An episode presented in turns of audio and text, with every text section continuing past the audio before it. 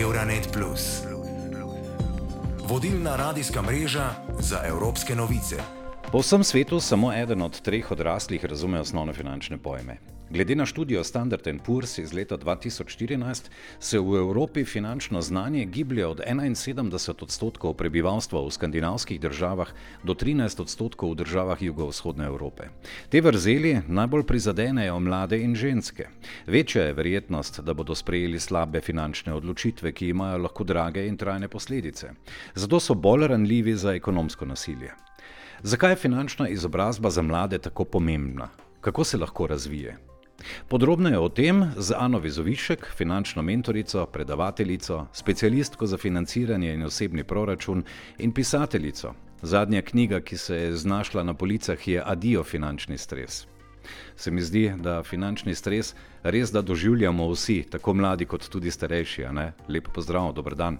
Ja, lepo pozdravljeni. Res je, finančni stres je eden izmed, bom rekla, takih uh, zelo pomembnih faktorjev v našem življenju in ni prisoten zgolj pri tistih, ki nimajo denarja.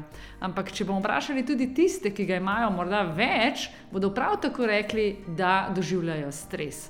Tako da to je nekaj, s čimer se je dobro čim prej soočiti ne, in ga znati tudi premagovati. Mhm. In obvladovati, seveda. Recimo, če se dotaknemo tako na začetku mladih, zakaj je finančna izobrazba za mlade tako pomembna?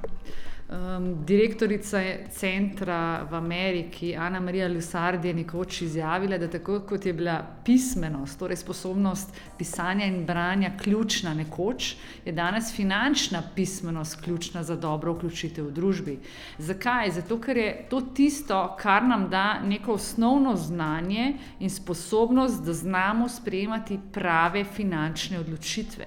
Ker kar vemo, je to, da če v finančnem svetu sprejmemo slabe odločitve, da imajo lahko zelo hude posledice in da nimamo v življenju ravno ogromno časa, da jih potem tudi popravljamo. Ne? Kdaj se naj začne razvijati ta finančna pismenost, kdaj je dobro, da začenjamo tudi z spoznavanjem financ? Jaz pravim, da že od prvega vstopa otroka v svet, čeprav se tega starši sploh ne zavedamo.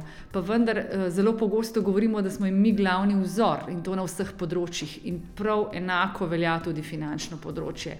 In finančna pismenost ni zgolj neka teorija, zdaj bomo pa otroka posedli in zdaj ti bom jaz razlagal, kaj je denar, zgodovina denarja in tako naprej. Ampak gre za vsakdanje učenje torej na konkretnih primerih, kaj pravzaprav pomeni. In ko gremo že z otrokom v trgovino in mu pojasnimo, ne, da je treba za to imeti že vnaprej pripravljen denar, da je treba nakup v trgovini načrtovati, da za to uporabljamo listek, ne, lahko je danes digitalni listek, to je že vse učenje in da ne gremo na bankomat in da je tam neomejeno ne, potem, um, denarja, ampak da pač, če nimamo denarja na svojem računu, tudi na bankomatu ne moramo nič dvigniti. Ne. Tako da to so že vse tiste pomembne lekcije otrokom da bodo vstopali res v ta svet finančne pismenosti. Morda tukaj kakšna je zdajšnja generacija, recimo mladostnikov, najstnikov, kako razumejo finančni sistem ali so recimo v drugačnem svetu? Gotovo so v drugačnem svetu, predvsem bolj digitalnem svetu. Če gledamo mlade, ki jim jezik ni tuji, če gledam, uh, oni zelo radi raziskujejo. Če pogledamo svet kriptovalut, jim je že zelo mladim zelo blizu. Marsikomu so lahko stari 15 let, 17, ki so že poizkušali, kaj ta svet pomeni. Uh, pustimo, da gre za izredno špekulativni svet in nevaren hkrati, pa vendar vidimo, kako je mladim to mogoče še bolj zanimivo. Ne, zato je pomembno, da otrokom predstavimo, kakšne so oblike vrčevanj, kakšne so pasti vrčevanj, tveganja na eni strani, na drugi strani, kaj lahko za to pričakujemo, zato da se sami ne izgubljajo. In ker moramo se zavedati, da tudi digitalni svet je še morda bolj poln pasti kot nek tak svet, ki ga mi poznamo. In če pogledam, eh, ne bom pozabila enega vprašanja, ene izmed učiteljic pred časom, rekla, katero platformo naj predstavim svojim učencem eh, oziroma dijakom, da bojo malo tradali oziroma malice trgovali. In naš odgovor je bil nobene izmed teh. Ker je to zelo nevarno, ker imetnik demo račun, ki je narejen tako, da ti prikazuje donose in uspešnost, en tak zelo nevaren, bom rekla, vstop ne, v potem. Ta realni svet in ti otroci gredo potem z nekim wow, ne, občutkom, jaz to obvladam, v realni svet, ker zelo hitro vse izgubijo. Je zdaj recimo lažje zaslužiti denar kot recimo 2008, še pred večjo finančno krizo in zlomom, ali je težje zaslužiti sedaj denarja? Jaz sem prepričana, da je veliko lažje. Zato, ker se mi zdi, da teh meja, ki so bile včasih, ni več. Uh, pravzaprav je ta um, digitalni svet se nam zelo, zelo približal uh, in lahko zelo hitro najdemo neko tržno nišo. Um, in se mi zdi, da mladi se tega zavedajo in tudi marsikateri že raziskujejo ta svet, se v njega tudi spuščajo in to je definitivno dobro. Torej, nimamo neke umitve v obliki fizično, ne, se pravi, aha, zgolj moram iti vsak dan vstati in iti na delovno mesto, tega ni več. Lahko delam preko računalnika, si izberem tuje kupce in funkcioniram zelo dobro ali naj mladi, recimo, ali pa sploh mladostniki, tudi potem že v malce zrelejših letih, na nek način združujejo študij in potem službo in iščejo na tak način neko finančno neodvisnost ali pa svobodo. Vem, to sta dva zelo uh, različna pojma tudi. Ja, ta beseda svoboda je zelo uh, željena beseda, marsikdo jo uporablja, pa vendar sama rečem, da gre za zelo tako manipulativno besedo, nevarno, ker uh, treba je pojasniti, finančna svoboda zgolj doseže ni cela, nič, nič, nič. En promil ljudi na svetu, torej zakaj bi stremeli k nečemu, ki pravzaprav nas lahko samo, bom rekla, um, obremenjuje in uh, demotivira. Uh, pomembno je gotovo dobivati izkušnje, delovne in hkrati študirati. Zdaj, seveda, jaz sem zato, ker sem sama to delala in vem, kako vredne so potem te uh, naše izkušnje, ki jih imamo, bodi si z ljudmi, ne, z različnim oblikom dela. Uh, to vse nam pride prav in veliko krat pravijo, da si potem veliko bolj organiziran in tudi študij, ki ga študiraš, bolje razumeš. Kar imajo mladi, česar mi uh, nimamo, je to, da imajo čas. In tisti v finančnem svetu, ki delujemo, pravimo, da je največji kapital v času. Ker če ti kot mlad začneš dajati na stran, boš dajal veliko manj in veliko več dosegel že zelo zgodaj. In tudi za starše to velja in je pomembno, da otrokom pomagamo, ko so majhni, začnemo z malim zneskom in ko bo star 18-25 let, bo imel. Tak, bom rekel, lahko zelo lepo popotnico.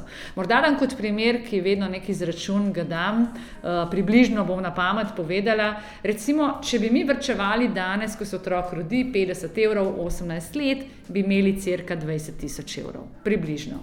Če pa bi mi, ko je otrok 18 let star, najeli kredit, ker bi mu želeli dati 20 tisoč evrov, bi pa morali plačevati 18 let po crka 147 evrov.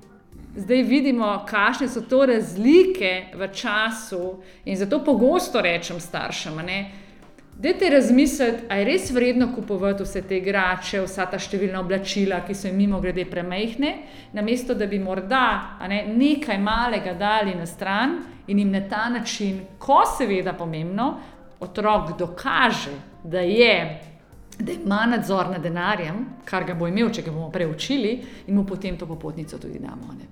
Še en tak izraz, zelo pomemben, verjetno. Kaj je finančna starost? Zakaj je pomembna? Ja, um, v knjigi smo, smo se vedno pogovarjali, ne, koliko res govorimo o tej svobodi in tako naprej. In potem smo, ko delamo z ljudmi v praksi, ugotovili, da če tudi so odrasli, a ne biološko, so finančno marsikdo še v obdobju otroka.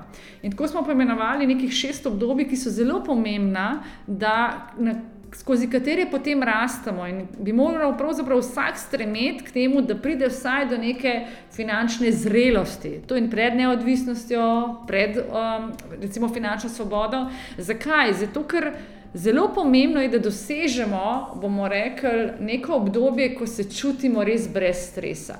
To pomeni, da delamo tisto, kar si želimo, eh, da nimamo tega občutka, da jo moram spet v službo, ampak da hkrati imamo neke prihodke, ki so nam dovolj. In zanimivo je, ljudje imamo vedno nekaj v glavi, da rabimo milijone za to, da smo res srečni. Ampak, če bi se vprašali danes, če nimamo kreditov, nimamo recimo SP-ja, ko imamo neke prispevke, plačujemo, koliko resnic potrebujemo za življenje?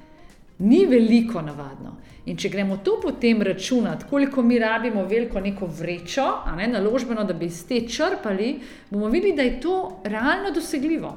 In da je to nek cilj, ki ga lahko dosežemo, če se ga res lotimo načrtovano, pravočasno in z res nekim pravim znanjem.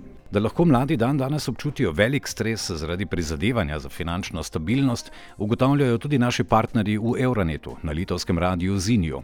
Jurate Civilikijene, ekonomistka Svetbanke in vodja finančnega inštituta, je prepričana, da za finančno opismenjevanje mladostnikov niso odgovorni le starši.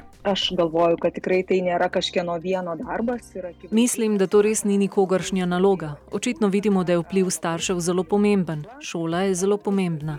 Izkušnje so zelo pomembne. Najnovejši zaključki študije najstnikov OECD-ja so zelo jasno odkrili korelacije, da prej, ko se otrok lahko samostojno odloči in izvede nekaj plačil, boljše je njegovo znanje, močneje so oblikovane veščine. Naši portugalski partnerji pa so tokrat pred mikrofon povabili Barbaro Baroso, ki je specialistka za finančno pismenost, ustanovila je projekt finančnega opismenjevanja MoneyLab in ljudem pomaga upravljati svoje prihranke in naložbe. Leta 2019 jo je History Channel izbral za najboljšo finančno strokovnjakinjo na portugalskem. Je difícil, porque há, há um problema de base que é o salário baixo.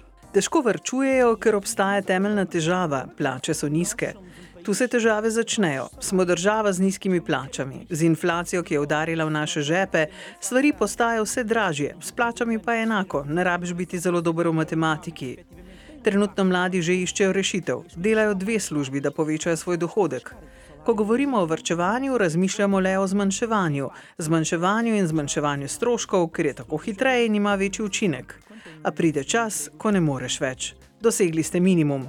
In veliko ljudi je že doseglo skrajni minimum. Eu costumo dizer há mínimos olímpicos, a partir dos quais não dá para ir mais. Para muita gente, sim, já atingiram esses mínimos olímpicos. Sicer pa je zelo zgovorna tudi raziskovalna naloga mladega Mariborčana Vida Ivetiča, ki je še kot 15-letnik raziskoval finančno pismenost mladih. Za raziskovalno nalogo je anketiral 191 učencev o finančni pismenosti, za katero je pozneje prejel zlato priznanje na državnem tekmovanju. Ideja prišla tako, da me je ta tema zelo zanimala. Potem sem povpraševal moje vrstnike, sošolce, prijatelje in ugotovil, da ful malo poznajo o tem in sem se začudil. In potem sem to na višji ravni hotel raziskati, uh, učitelji pa so nam ravno takrat govorili o raziskovalnih nalogah. Potem sem se odločil, zakaj pa ne. Izbral sem pet osnovnih šol, uh, imel sem tudi intervencijsko skupino, uh, katerim sem dal eno urno predavanje o finančni pismenosti in o tej temi. Uh, tudi videlo se je potem v anketah, da veliko bolje so rešili kot ostali učenci, mislim, ostali vrstniki. Hotel sem videti, ali bo kaj, zato ker sem potem tudi v fin, uh, raziskovalni nalogi na koncu predlagal uh, izobraževanje v osnovni šoli in sem hote, to hotel tudi dokazati, da če izobražujemo, tudi so dosežki boljši, kot pa če ne izobražujemo. Na koncu sem ugotovil, da finančna pismenost je zelo slaba pri devetih razredih, da učenci ne vejo dosti o, tej temi, ampak se tudi zelo dosti učenci želijo tem učiti. Mislim, v osnovni šoli je tema o tem, pri etiki predmetu, da se učimo o financah, ampak očitno ni pomagala in je potrebno še. Euronet podcast o finančni pismenosti mladih sem pripravil Ivo Kores. Tehnična izvedba Peter Kopše Pišec, do prihodnič pa lep pozdrav. Euronet Plus za boljše razumevanje Evrope.